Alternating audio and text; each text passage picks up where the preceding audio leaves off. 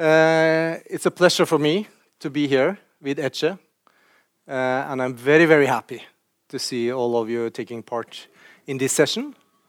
And uh, we will first have a conversation, or uh, I will ask some questions, and then Ece will have the possibility to talk uh, about uh, the. Um, uh, yeah, that's a good noise, so everybody can hear that we should turn off the mobiles. Uh, so Ece will be able to talk about the situation today and as also the history of, of the Turkish nation. Um, we will have possibility for some uh, questions and answers in the end. Uh, I will be sure to uh, see if we can uh, have some time for that. Even I, I think the time will be running very fast when we start, so, yeah. because it's a lot to start. Okay, Ece Temelkuran, uh, she's one of the most known Turkish journalists and writers. I mean, she has been uh, named the most read political commentator in Turkey in several years. She has been writing in two of the uh, largest newspapers in Turkey, Milliyet from 2000 and 2000 until 2009, and then in Habertürk 2009 to 2012, where uh, she suddenly short term. yeah, a few years, uh, and then uh, she got a phone call from her editor saying that sorry. Yes, it's more sounds here. It's my editor. Your editor calling. calling her saying that you know why I'm calling you. yes, she said. Yeah, I'm sorry to say it. Yes, you don't need to say it. And that was ending the, the time as a journalist in Habertürk. Very short, one minute call was conversation. Know, so that you know, it was quite short for a twenty-year-old year old career. Yeah. Lovely. You know, you just find yourself like, hmm? Yeah. like this, and then it's over. But you knew that you wrote an Yeah, yeah. comment that was. You know, everybody knew. Yeah, yeah. You know, what's and we can come back to that, to the situation of, Sure. of for writers and journalists. And she also then worked in the Habertürk television and had some programs there. And we have to add, of course, that she has written 12 books novels, poems, non-fiction. And uh, two of the non-fiction books that has been uh, translated to English, I have it here. It's uh, Deep Mountain. Um, it's about the Armenian-Turkish question, or difficulty, or very difficult situation or topic. And then, of course, the, the, mo- the last one, which is uh, the reason why we are here, I will say, uh, it's called Turkey, the insane and the melancholy. And uh, we, will, we will discuss basically that Sure. book. And you're still living in Istanbul. Yeah, that seems to be kind of bizarre to many people, but I am still living in Istanbul like many other people and many of my friends. Although there are people leaving at the moment, Yeah, there are. of course, around me. Uh, it's not easy. It's not only the you know political oppression or whatever you call it, but also the constant um, you know terror attacks and the unpredictability of the country. So it, it is a very exhausting country, I would say. How is your life in Istanbul? My life, great, awesome. Everything days? is awesome. You go out? of course, I go out, and you know, this is the thing. When you look at insanity from outside, it's a bit, you know, uh, like it, it could freak you out. But but then when you're living inside it, somehow you find the courage or strength to adapt yourself to it. And then there are your friends, uh, you know, which helps a lot. And you joke about it, and then you start another day. This is how we you deal with a you know a life in turmoil, if you will. We could start many places when we're looking about the situation of Turkey, but Yeah. of course, I think it's most natural to start on 15th of July Oh yeah. this year. Uh, the last coup, uh, and you should know that there is not the first coup in Turkey. It's been a lot of different coups, and we will perhaps go a little bit come back to that to, to see the history of coups in Turkey and the meaning of this recurrent couping. yeah, Yeah. in, in, in Turkey. But uh, the last one, uh, which has been, uh, yeah, uh, in, when I, I read this book, uh, and then it's, it's really strange to read it because uh, it ends before the coup. You know, this book ends sort of in the spring of 2016, and then when you or 2015, and then when you read it, it's like the next chapter is the coup of the 15th of, of it's, it's sort of coming after. It's a, it's it's leading up to what's happening in July uh, this Yeah. summer. Um, well, um, Turkish political history, as many of the people here would know, and I think they would agree with me, it's a vicious cycle of vendettas.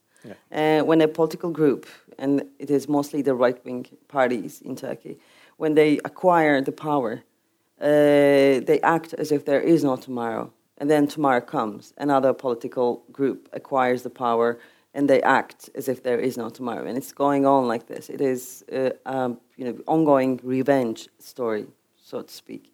Um, so you know, you can say you know count many reasons for that weak uh, weakness of foundations uh, of democracy, or you know remnant of Ottoman Empire, political remnant of Ot- Ottoman Empire heritage, or whatever. But then this is a story. It's an ongoing vendetta. It's a vicious cycle. That's why actually I wrote a novel about it, which is called The Cycle Devir, which talks about 1980 coup. Uh, in, if you ask me, it, that was the time this whole shitstorm began. And, uh, you know, when I was writing the book, I realized, when I was writing that novel, I realized that the circumstances in Turkey are exactly similar to 1980 circumstances, uh, political uh, environment especially. Uh, and it's, it was the crisis of political representation, basically, and which we have today as well. Uh, so it is, uh, I wouldn't say natural, but it might be expected. It was expected for people to have a crisis in democracy, in such a crisis, such a you know out loud crisis, which happened in 15th of July. Um, yeah, uh, 15th of July is well after 15th of July, uh, Turkey has become under the spotlight by international media as you know far more than it has been since decades. And most of the time, actually, it was uh, the, the, the topic that was discussed was uh, is this a staged act uh, by the political power, by the AKP, or is it a real coup? And most of the time, the discussion went around this. And, um, but you never know these things. What do you Uh, thi- What do you think? yeah, this is what I think. You know, um, it took us 10 years after 1980 coup that we learned for sure that CIA was involved in the coup.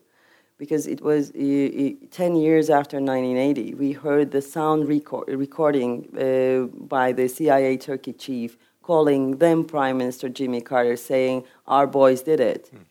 So it might take another 10 years for us to know what really happened in those days. But I think this is not the real question. The real question, if you ask me, is like why Western media, uh, international media, I would say, international media was so silent about what has been going on in Turkey for a decade or more than a decade, and all of a sudden they turn their eyes to this insanity and they start, you know, making comments about it without knowing anything. As you know, the you know allegedly responsible party for the coup is Fethullah Gulen movement, which is a religious sect, and the leader of the sect is based in Pennsylvania. And you know, while reading the comments commentary about the 15th of July um, uh, coup attempt in international media, I even saw something like the smiley movement because the Gulen, the word Gulen, you know, the surname of the person means smiley. Yeah. So, you know, this is how it goes. For 10 years, for 15 years, uh, since AKP came to power, all this international media was cheering up. They were dancing around AKP, saying that finally real democracy arrived in Turkey. And all of a sudden, they changed their mind, which, if you ask me, happened in 2013 during the Gezi protests. Uh, and then they finally understood that something was going wrong, but then they misunderstood the whole thing. And now they're doing this, the, this different dance, saying that he's the dictator, he must go, and so on and so forth. And they all make it as if the, the, the, the, as if the whole problem is Erdogan, and if he goes away, everything will be solved, which is not the case, and which is, if you ask me, quite stupid. Hmm. Um, they never talk about the system. They never talk about what happened to this Turkish model that they praised for years in their newspaper, in their, you know, televisions. Uh, what happened to this project of moderate Islam uh, combining with democ- uh, you know, combining moderate Islam with democracy and making it an example for Middle Eastern countries? What happened to this, you know, free market friendly uh, sort of Islam that they were promoting? You know, all of that stuff. You know, it was a huge narrative for years. You know, starting from think tanks to Washington to, I don't know, you know, you name it. It was everywhere even the leftists of the European uh, you know, countries, they were all for it. I remember very well in Oxford, it was approved. It, it was approved in Cambridge, everywhere. But we cannot deny that the first period of Erdogan was a period of stability, economic growth, uh, Yeah, wel- welfare to the people, even to the Kurds. certainly, certainly, it was so. But then Yeah. you know, all the you know international uh, environment was so um, supportive to that. convenient. Yeah. Mm. Not only supportive, but it was convenient as well. It was n- after 9 11, uh, the fears of the world was requiring something to uh, come up as an answer to the radical Islam or Islamic terrorism and so on. Uh, so it was very convenient. The situation was, you know, all go, you know. So, yeah, uh, but. But what the- you saw is that underneath that he was. Underneath that, well, it wasn't underneath. It No, was it out was there also, yeah, since yeah, from yeah, the very beginning. Um, since from the very beginning, it was there, but it he was, moving out teachers, firing journalists. Yeah, this is the Yeah, thing. you know, is, yeah, right ongoing, now on yeah. international media, there is Yeah. this uh, big interest on the witch hunt Yeah. against the Fethullah Gulen movement and against the other opposition, uh, you know, other parts of opposition in Turkey. Uh, but there was another witch hunt 10 years ago against secular people Yes. under the name of Ergenekon case, which wasn't so much interesting to international media except for some, you know, very detailed articles about Because it was very complicated. It was. Yes. And it is still It is still, yeah. Well, I did journalism in Middle Eastern countries, and they all, you know, when you go to a country and you ask about the political situation, especially in Beirut, they would go, "Oh, "It's so complicated. You wouldn't understand it." So they make themselves and the country look cool, but in our case, it is really complicated. yeah, yeah. you know, there is this popular And joke, not very cool. and it's not cool. Yeah, Uh, there's this popular joke in Turkey: if you find the last season of Game of Thrones, you know, boring, Yeah. come check out Turkish politics. It's like that. You know, winter is coming, Yeah. winter is already there, and so on. Um, yeah, uh, so it is complicated, and it's not easy to learn about these things. It's like you know, when you start asking questions, you go deep and deep.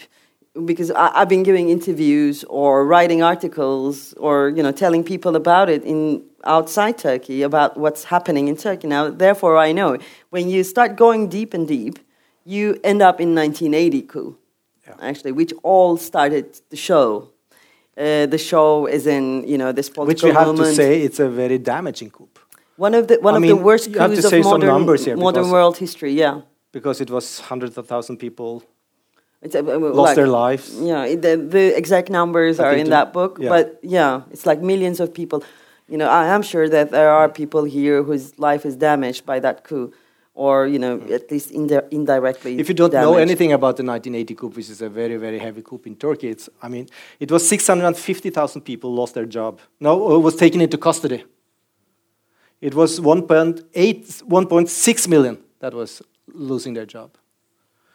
More than 300,000 people lost their life. And uh, I hear still that people are missing from the 1980 Sure. people that I don't know the history of, where did they end up their life. So it was really, really heavy. Uh, yeah, it was really damaging, heavy, and yeah. it's it almost harvested. Let's say it's just cut out, weed out all the progressive, yeah. uh, organized progressive um, mm, part of the um, population. Therefore, you, we ended up with the conservative uh, people, you know, in societal sense. Political sense, you know, the coup not only supported the right-wing parties, but it also supported the sect, Fethullah Gulen movement sect. Yeah. That's why they became so huge. And another thing that people might not know outside Turkey is that Fethullah Gulen movement is not only supported by AKP, but also by every government, including the Social Democrats, after the coup. So uh, after 1980 coup, I mean. So it's a very complicated story, and you know, it's a, it's a bitter, uh, sweet trouble to know about Turkey, which I'm sure you you know you know what I mean because you have a Turkish uh, wife and it's like it's a never-ending story. It's, it's, you uh, don't want to be part of It's it. It's hard to understand. But then once you're part of it, you have Not, a not my wife, I mean, but uh, Turkey is, uh, can be hard. can be hard to understand. I'm sure your wife is as well. no, I'm like it's a it's a bittersweet trouble. Um, you don't want to be part of it, but once you're part of it, you have a lot of great friends. For the sake of them, you want to know more, and then you end up drinking raki with them and talking like saying like what's going to happen to this country, which is the last you The know last bit of sentence, yeah, the, last book. part of the book. But uh, uh, yeah, Erdogan uh, claims that Gulen is behind the coup. yeah, But for the last um, many years, until 2013, they were sort of best friends. yeah. And I, I wonder when uh, Erdogan now says that uh, he's the terrorist, is a, it's a terrorist organization, uh, and he fired thousands, tens of thousands of teachers in the primary school, you know, and uh, doctors, and closed down a lot of institutions uh, all over Turkey. And um, uh, would it sort of go back to himself then? I mean, why have you been for so long time so good friend with a terrorist organization? Well, you ask Uh, him is it a possibility? is it possibility to have some self-reflection here? Well, I cannot answer that question because I really don't know. But then I can tell you that um, this is the way it goes. It's a power struggle, and in in Turkey and in such countries, power strug- struggles, you know, happen in a very bloody way, and each time small people are hurt. You know, there are human tragedies going on right now, most probably, and there are many. I'm sure there are many innocent people uh, who have been subjected to this, you know, harvesting. Yeah. Um, The last numbers I heard was 160,000 Yeah. people out of job. on the other hand, uh, you know, we have to be objective about this, and there there could be uh, no other power, political power in Turkey other than AKP, who would be strong enough to weed out Fethullah Gülen movement from the state apparatus. I don't know if this massive operation will end up doing that. We'll be able to do that, but then you know, obviously, this is the most strong, strongest party, strongest political power that could do that. Uh, Fethullah Gülen movement is a very complicated and it's not easy to explain sort of thing. And do, those who are not familiar with the, you know, this movement, um, you know, when I talk about that movement, it sounds like I'm talking about aliens or like you know, body snatchers or so.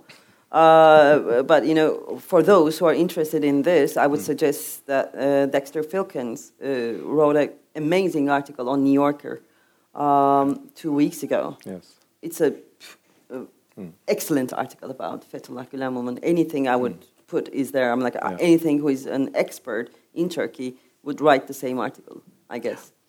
Um, But let's not talk about Gülen, let's talk about Erdogan. yeah, well, let's not talk about him either. no, the, the, it's a you know partly a joke, partly serious because this book uh, is not about Erdogan at all, and I think Turkey's story is far bigger than Erdogan or AKP AKP government, and I am assuming that you know we, we're going to be hearing the other part of the story more. You know, I'm hoping because for the last um, 14 years now, starting from 2002 when AKP came to power, uh, the entire story of Turkey is uh, almost, you know, seemingly to, appeared like an AKP story. And the secular, progressive people of Turkey were not heard of until 2013 when Gezi, you know, Gezi protests happened. And then I think we should use this chance. Um, everybody has to use this chance to make their voices heard, uh, to, to, to tell that AKP is not the only thing in Turkey, and this country is um, changing its face um, in spite of the progressive and you know secular people. I, I don't want to leave uh, Erdogan uh, Aside. aside. Uh, just a cou- couple of more comments because I mean, Turkey has been a, a split country for a long time, you know, and you, you're writing about that between the ethnic, between the Alevis, the Kurds, the the main, the, and the Kemalists, and the and the sort of the Middle Anatolian uh, religious uh, Sunni people. Uh, it has been uh, split between the the left and the right, and you have different types of Yeah. uh, of splitting, you can say, uh, in in in Turkey. But when I listen to to Erdogan. I mean, when he's talking, he's not really talking. He's screaming all the time. You should try to go in and try to listen to him sometimes. Ah, you know, it's it's really I can't sometimes difficult. How can he scream like that every time he's talking? And he has several speeches every day. You know, he's, he's really angry all the time, and and his rhetoric, as you're, you're writing very good about, is um, is always screaming about they are doing this and they are doing that, and now it's our time. You know, to Well, it's a- it's so a- he's splitting the people even more in Turkey. Yeah. which is- Uh, which well, is- no, I- I think this is it's a huge danger now. This is not a discourse that he invented, of course. This is like us and them. You're Yeah. either with, uh, with us or against us. It was, it's like all over the world, and you know, Bush is using it, Trump is using it right now, or you know, any right-wing party in Europe is using this discourse, us and them. And you know, this them can change according to the circumstances, according to the environment, according to the you know zeitgeist or whatever you call it. Uh, and we is not defined as well. It's a loose thing. So yeah, I'm, I'm like the the the mm, dividing discourse. I would say has been used in Turkey uh, since the establishment of the. but for him, of they republic, are but then- basically the the Kemalist. Well, it elite, changes. or- it changes. I'm yeah. like, uh, well, if you ask me now, Turkey is like uh, there are two main camps in Turkey, like AKP supporters and the others. And Yeah. it was obvious in, during Gezi protests that these others was a community altogether.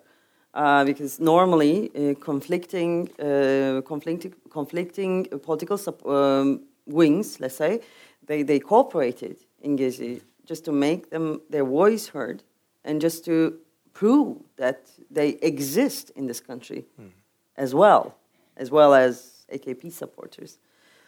After 15th of July, obviously it became, you know, the, it's, it's, it's an inflammatory situation. So being an AKP supporter and being a non-AKP supporter has become a more, more serious issue, uh, even more serious. Um, so yeah, this country, what have happened? country has been I mean, Gezi was conflicted, but Gezi it's was a period. I mean, intense. you get also perhaps I have to explain that Gezi Park is a, it's a park in Taksim. It's in the downtown of Istanbul, and it started with the protection of a tree or some trees because Mm. Three it's a small park there. They, yeah, they want to take down these trees, uh, and then uh, they started to protest it, and then it became a huge, Immense. yeah, Yeah, which spanned the entire civil country. movement. I mean, it's a protest against the regime and Yeah. a lot of poli- politics. Yeah, it was the Tahrir of Turkey in Yeah. a way. For some reason, Tahrir is more popular as a Yeah. you know concept, but yeah. And it was demonstration, I think, in 70 different countries in Turkey. Millions of people were out demonstrating. Uh, it was a time of hope for a lot of uh, people. It was it was but time. what happened? Where are these million well, the, you know, the, the, the, there was what a breaking I mean, point. 2013 is three years ago. Yeah, It seems like they're gone. yeah, it was. It, it feels like you know ages ago. Yeah, you're right. Uh, but I think it was an mm, it was a breaking point in Turkish political history. Gezi uh, protests. Uh, if you ask me, Yeah. until until that point, it was a political clash in between leftist, rightist, or you know, Kurdish, Turkish. mm.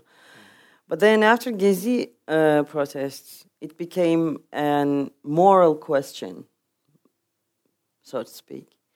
Uh, there was a In what way? Moral. I'll, I'll tell you. Uh, young people, educated people, mostly very peace, in a very peaceful way. They were protesting, and there was this kid, 15, 14 year old, and he was out there to you know fetch a bread from grocery shop, and then he was hit by a, a tear gas bullet, bullet in his head, and then he stayed in coma for a year, and he died when he was 15, and.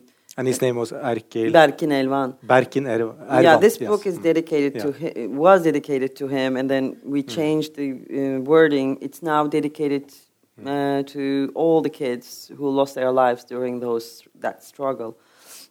But these kids, most of them were, you know, uh, lighter there than their coffins. So, yeah, he was dead when he was 15. And, you know, when uh, Mr. Erdogan appeared for the first time for a public meeting, he, he, he called the family, the family of the kid, terrorist. He called the kid a terrorist. And he made, you know, thousands of people boo.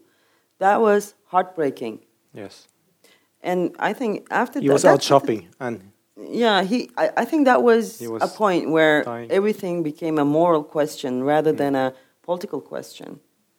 And this country is over politicized and over polarized. So therefore, uh, there appeared not only Erdogan, uh, there appeared thousands of people who could boo a dead 15-year-old kid. That's a moral question, if you ask me. yes. And um, But why? you know this How come? polarization. How can they boo? Why do they do that?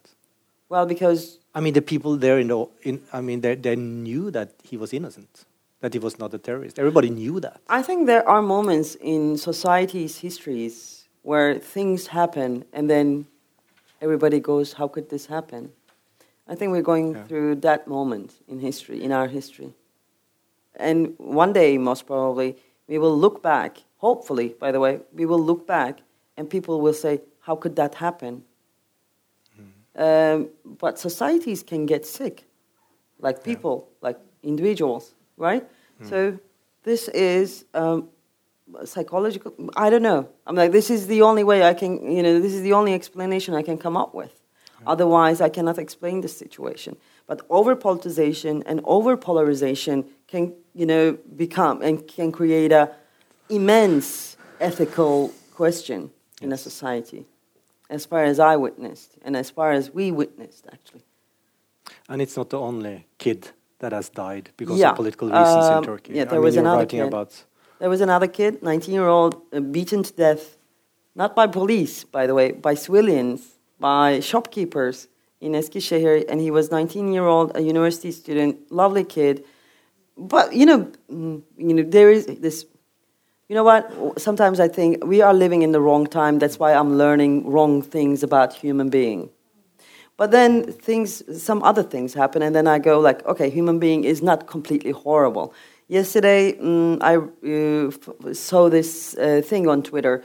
Uh, this kid, 19 year old, beaten to death. Uh, his mother is now running uh, in a in a uh, marathon, and he, she's asking for support to build a foundation for this kid. And millions, you know, not millions, but thousands of people are supporting her. So, you know, this is a falling down and getting up sort of, you know, resilience story that we are going through. And it depends how uh, resilient you are. You know, the question of surviving is depending on that. Um, uh, I guess that's why you call your book "The Insane and the Melancholy." Also, it's about insanity here. But of course, you said that. Uh, I mean, uh, a, lo- a huge part of the people are not supporting AKP or Erdogan. Well, I'm like the insanity They, part. they, will search for ways to show their opposition, I guess, also Oh, without well, being well, put I think we are in the period of wait and see. Everybody's Yeah. so tired. Um, but then the insanity is not always something, you know, sad. We laugh a lot.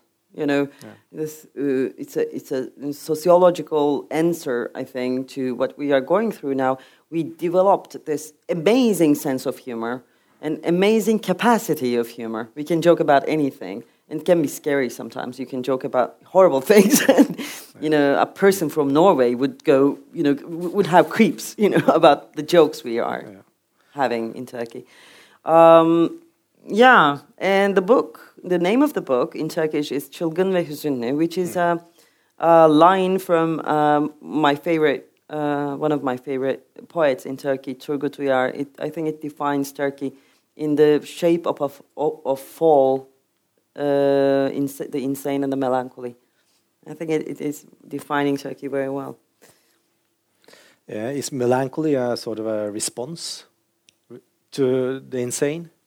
Mm. insanity, a way of sort of surviving in an insane situation? Or it, it is the contradiction between insanity and melancholy. It's like the moodiness of country. I think it, it tells a lot. It's all of a sudden it's very insane, and then all of a sudden it's very melancholic. And it's the insanity comes from the unpredictability. I think. yeah. Love it, huh? And melancholy, I, I think this is. You should perhaps say a little bit about Hüzün because it's a sort of a state of mind for, Yeah, Tur- for Turkish people. I, I've not met any Turkish person who is not having Hüzün. You know, uh, it's. I mean, it's a deep state of mind in Turkish people. I mean, it's two ways. I mean, I, I recognized a, a Turkish person from others. That's Hüzün, the, the, melanch- the melancholy way of being. You know, and the paranoia which is very, very deep into Turkish personality too, I would say. Paranoia? Yes. Well, because they are following us, that's why. We're not paranoid. So tell me about this. Yeah, my grocery, you know, the, the grocery shop I go to, he, he was telling me, hey, Janum, they're listening my phone. I know. And they're tapping my phone. I'm like, why would they tap your phone? Like, you know, everybody's convinced about this. Um, yeah, uh, the melancholy. the, the Hüzün, yeah, the- uh, is a Orhan wonderful, Pamuk- wonderful term, I would say. Yeah, Orhan Pamuk yeah. introduced this word to Yeah. English-speaking Yes, uh, readership uh, audience, um, and it's a very, you know, it's- a certain. Orhan Pamuk is writing about Hüzün in every novel. So go out and read Orhan Pamuk afterwards, please. It's beautiful novels. Well, there is this uh, quote that I like a lot from Borges, Louis Borg, uh, Borges, Yeah. and he says um, the dictionaries stand upon the unproven hypothesis that all languages are equal to each other. They're not. You don't have hüzün most probably in Nor- maybe you do, but they don't have it in English. I know that because they don't have that. Maybe because they don't have that feeling.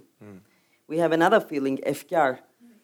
Uh, that's another, you know, I should introduce that word actually to English sometime. Um, you know, these are all states of minds, you know, and state of feeling and so on. Hüzün comes from hazin, which is almost sad, and comes from hazan, which is autumn. Yeah. So it is. Um, and these, by the way, it's not a Turkish word. It's a it's a Farsi word, Yeah. as far as I know. And it is um, it is a state of mind where you contemplate, basically, where uh, you know you feel a bit sad, but then you contemplate, you reflect, and so on. Uh, yeah. And you think that things will end bad in a way also. It's a part No, of you just don't think. Yeah. It it's a feeling, actually. It's, it's not Yeah. about thinking, Yeah. it's about feeling, I guess. And the paranoia, since we mentioned that. Paranoia? What is this? I, I was in I was in uh, uh, Istanbul right before the Gezi demonstration started, Mm-hmm. because uh, then they were discussing that something will happen with the with the with the trees there. Yeah. And I spoke with four people after each other, and it was four different stories. Yeah. You know, it's, it's really strange. It was four intellectuals, uh, writers, and they were all telling me four different stories about what will happen with a uh, with a Gezi, with a with a park, with Yeah. You know, it's, Uh, You mean they were predi- predicting something? they were predicting something. Something Okay. will happen, and it was for different reasons why something would happen. That it, Erdogan would take it over, building shopping This is so. Middle You know, East. yeah, so- this is so, many Beirut, for instance. You know, you, sh- you sit at a coffee shop and then And you hear everybody like, was very sure that this is the truth. You know, this is the real, and it was all sort of a little bit of paranoid uh, discourses in uh, in the. this is. Middle Eastern, Yeah. I guess, because you know uh, we have different histories Yeah. uh, conflicting and contradicting each other. So we never have a one peaceful, you know, uh, history that we have a consensus on.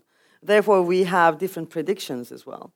Uh, this is the thing. I'm like people. I, I think in Middle Eastern countries they kill each other because of the stories, you know, because of the narratives, using the narratives and so on. Uh, so yeah, but about the prediction, okay, let me tell you a funny thing. This is the new trend in Turkey. Nobody talks about it because it's shame, embarrassing, but actually it's true. Everybody is reading the astrologists, and there is an astro.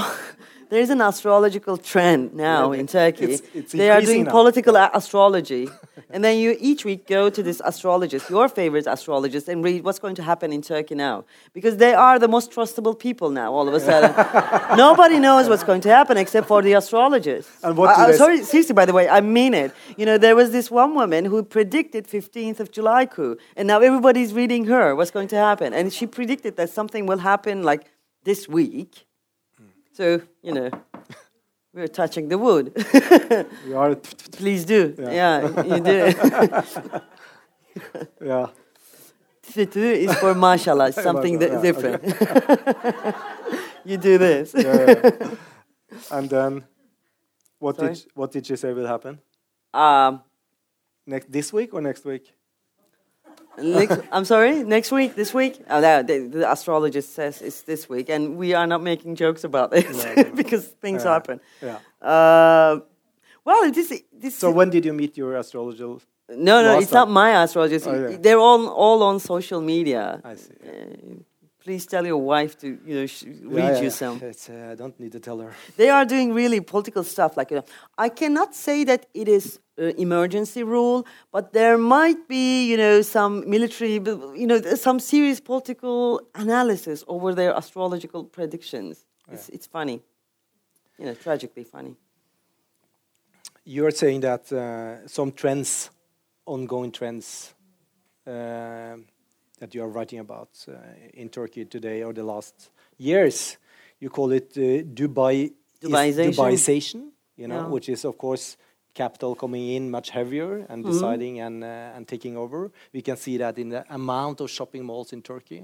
I mean, it's popping up all over, huge shopping malls, and I guess Erdogan has a share in that. You're talking about uh, a, a German word, uh, Gleichschaltung.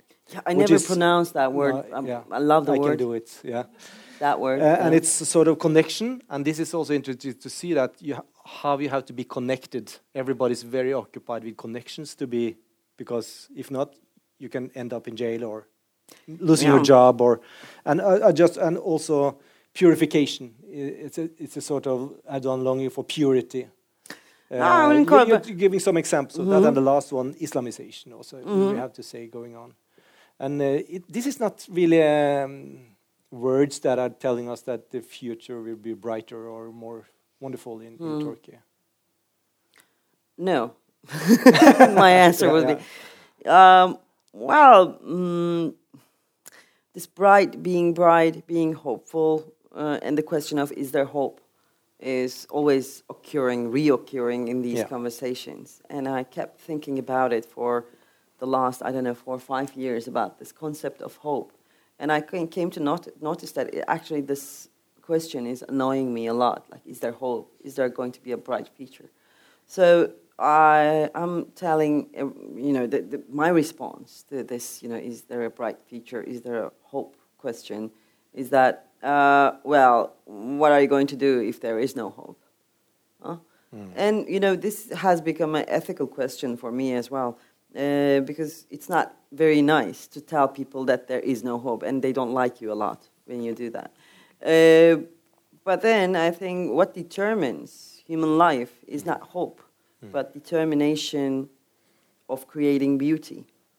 You see, even if there is no hope, in Turkey today, people are, uh, some people at least, are determined to create beauty, be it in their you know, personal relations or on political level or artistic uh, ground. Uh, they are creating beauty still, Yeah. which is something to look at too as well. Because when you talk about Turkey, especially now, you talk about you know imprisoned journalists, um, oppressed people, you know, so on and so forth. All the negativities you can think of. But then there there there are other people still living, still trying to survive. Mm, so yeah, there is still determination of creating beauty, and I use beauty as in, in the philosophical sense. Yeah, but Uh, you're yourself ending the book in a very dark mood. This because one, I mean, yeah, Because it's a funny book. Come on, I I mean, it's, it's ironic. I- I- yeah, It's a- sarcastic. sarcastic and Yeah. ironic, and it's fun. I, I tell, I agree. It's it's it can be fun to read, yeah. but it's it's quite dark also. No, I I just wanted that. to wanted because to you're honest. make people In a feel way it. You're honest about Well, I what tried to happened, the be. political yeah, about the political si- uh, situation and, and the history of the yeah. of, of the policy, and uh, and it's it's a lot of dark stories. I mean, we can't come around that. Yeah. But you're ending your. I mean, of course, you're ending with the question: What will become of the land of ours? Yeah. Yeah. And, The uh, record table. yeah. Yeah.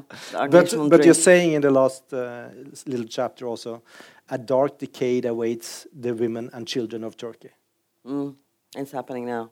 Yeah. Well, it was happening already, and it's happening in a worse way.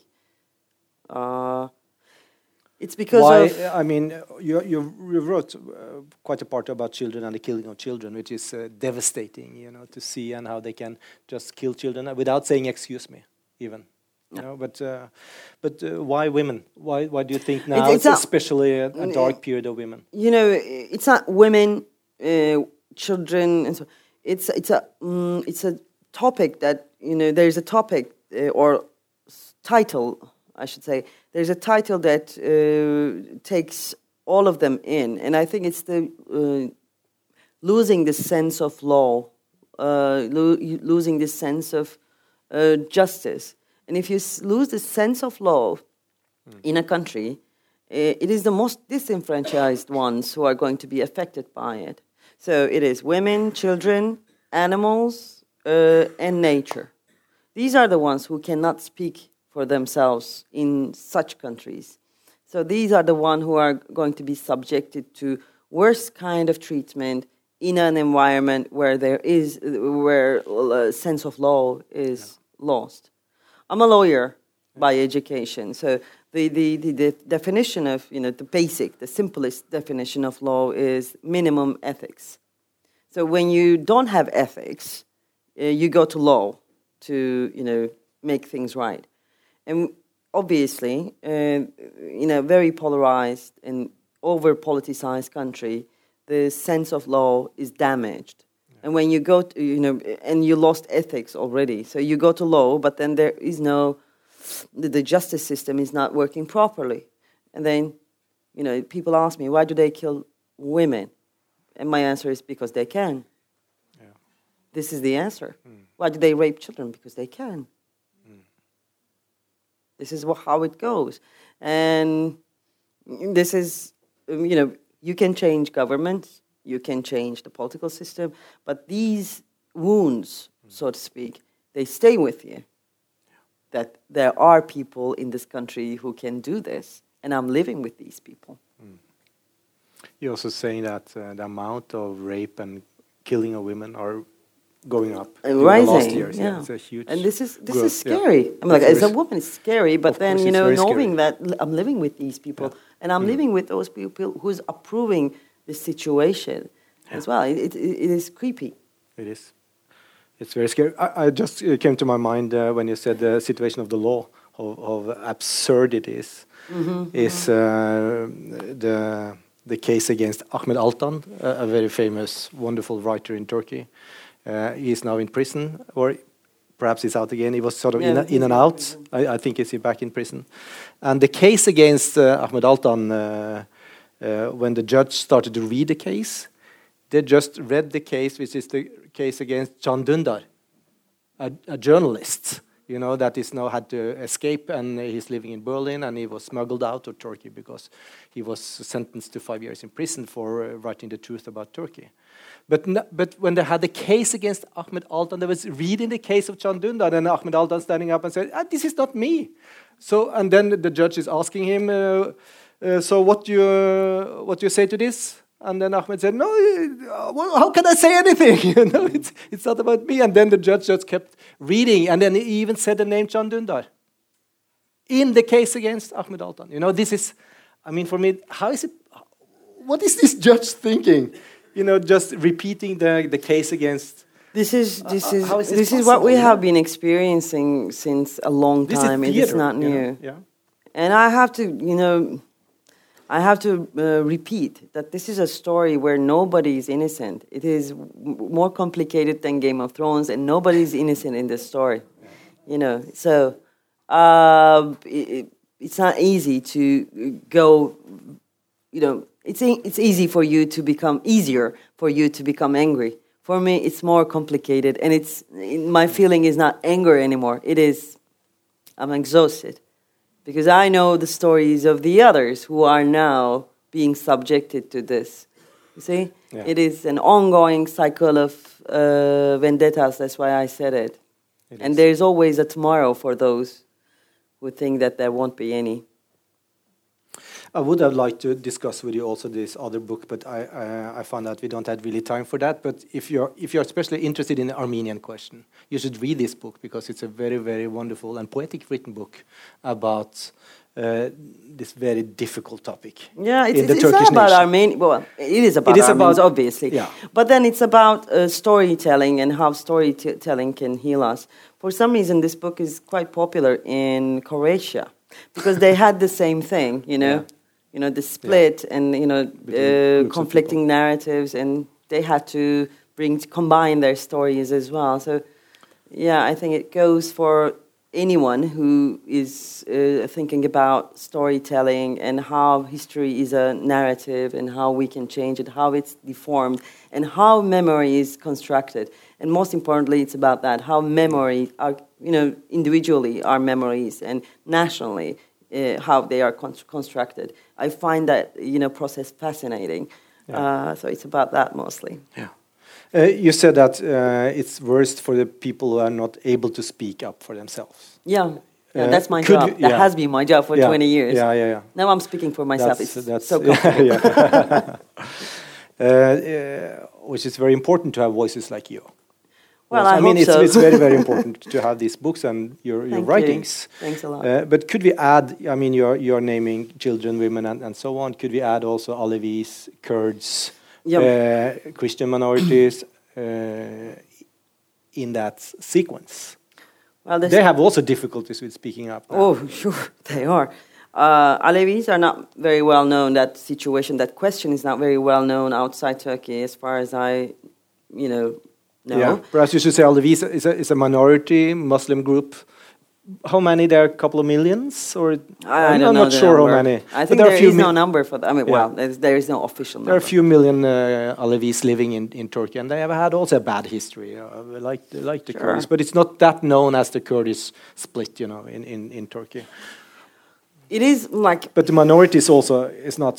for some time, you know, some you know mainstream people, uh, mainstream media, I would say, they thought that it will never come to them uh, because it was like you know, oh, those Kurdish terrorists, you know, that anything can happen to them. I'm like they they asked for it anyway, or Ale- Alevis, oh, ah, they're Alevis, that's why that's happening to them.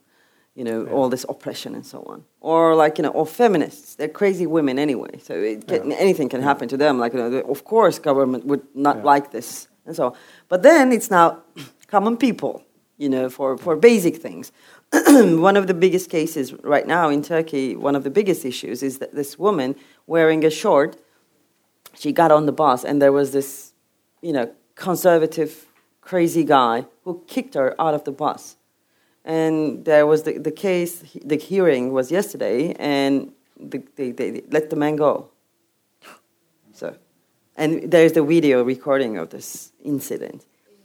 So, you know, we are going through a phase of Yeah. history where, you know, Sunni, Turk, male, Hmm. and party supporting So, males. uh, individual Yeah. is the ideal citizen, Yeah. and rest of the country can go to hell, kind of. Yeah. You know, it- it's not like that, but you know, anything can happen to any of the rest. You see, any of the other sort of citizen. So I think we're all together in this, Yeah. in different on different levels, of course. Recently, I think also a lot of people are afraid of uh, Erdogan's uh, grandiosity or ideas about uh, occupying larger parts of the world than Turkey. Like you said, Mosul, you know, Yeah. which is I, I, I've been in the in the media know lately. what, now, I I Mosul is actually ours, you know, and this is this is I mean going back to the Ottoman period and Well, to be completely honest, Yeah. I think they're being unfair to him. yeah, tell because me. you know he's he has every right to be furious to you know Western powers or so because he is asking them basically. So what happened now? We were, we were all together in this business, and now you're leaving me alone. With and the, I, I do the refugees? understand You it. mean with the refugees? Well, you, you, I'm talking about everything. You know, all of a sudden, then everybody's uh, criticizing him on the biggest media outlets, and this wasn't the situation. And now he's asking, like, "Sir, what's your problem?" And I, I seriously that think that uh, everybody's being unfair because all these articles written about him, it's like you know, you are the problem, you go, and he says like, "What you were there with me, you know, when we plan, you know, when we, you know, you were praising me and so on." So Syrian, when they were not to Syri- praising him, but they were dependent on, it, on him. yeah, and Yeah. obviously And still had so, alliances, yeah. Yeah, And he's a part of NATO, yeah. which makes it difficult uh, Which for us, I guess. everything the- more lovely. Yeah, Yeah. it does. But uh, do you think they have a dream? uh, The, uh, the AKP party, they have a dream of uh, building a sultanate again in with. Uh, Well, AKP, when it came to power, that was uh, one of the you know piece, one of the biggest piece of the narrative that making a peace with our history, which was you know understandable.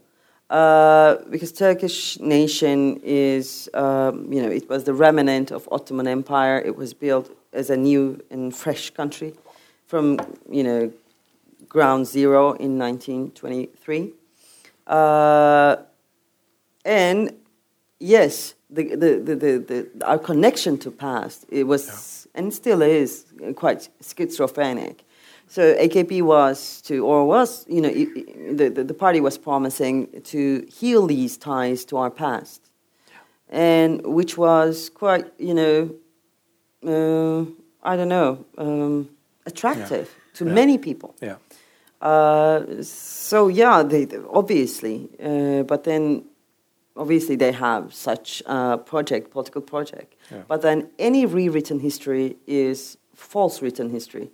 Yeah, so they are rewriting some sort of uh, Ottoman history in their heads. It's- At least for the common people, it's something like this, and it is sort of anachronism to try to reapply uh, that sort of understanding of politics to Tur- today's Turkey, I guess. So it's going to have some consequences, obviously. We are we are coming to an end here, I think. Uh, I'm very I'm very very glad that you could Ah, come to Norway and visit us. Uh, This is your thank first you. time in Norway. Yeah. yeah. I'm really really happy that you could come here. Ah, I love uh, it. I love it. And uh, keep writing. Thank you. please. I will. I, was- I will we try. will we will keep reading. Thank you very much. So thank you so much, Ece. Thank you. Thank you. Thank you for coming. Thank you, really. It was awesome.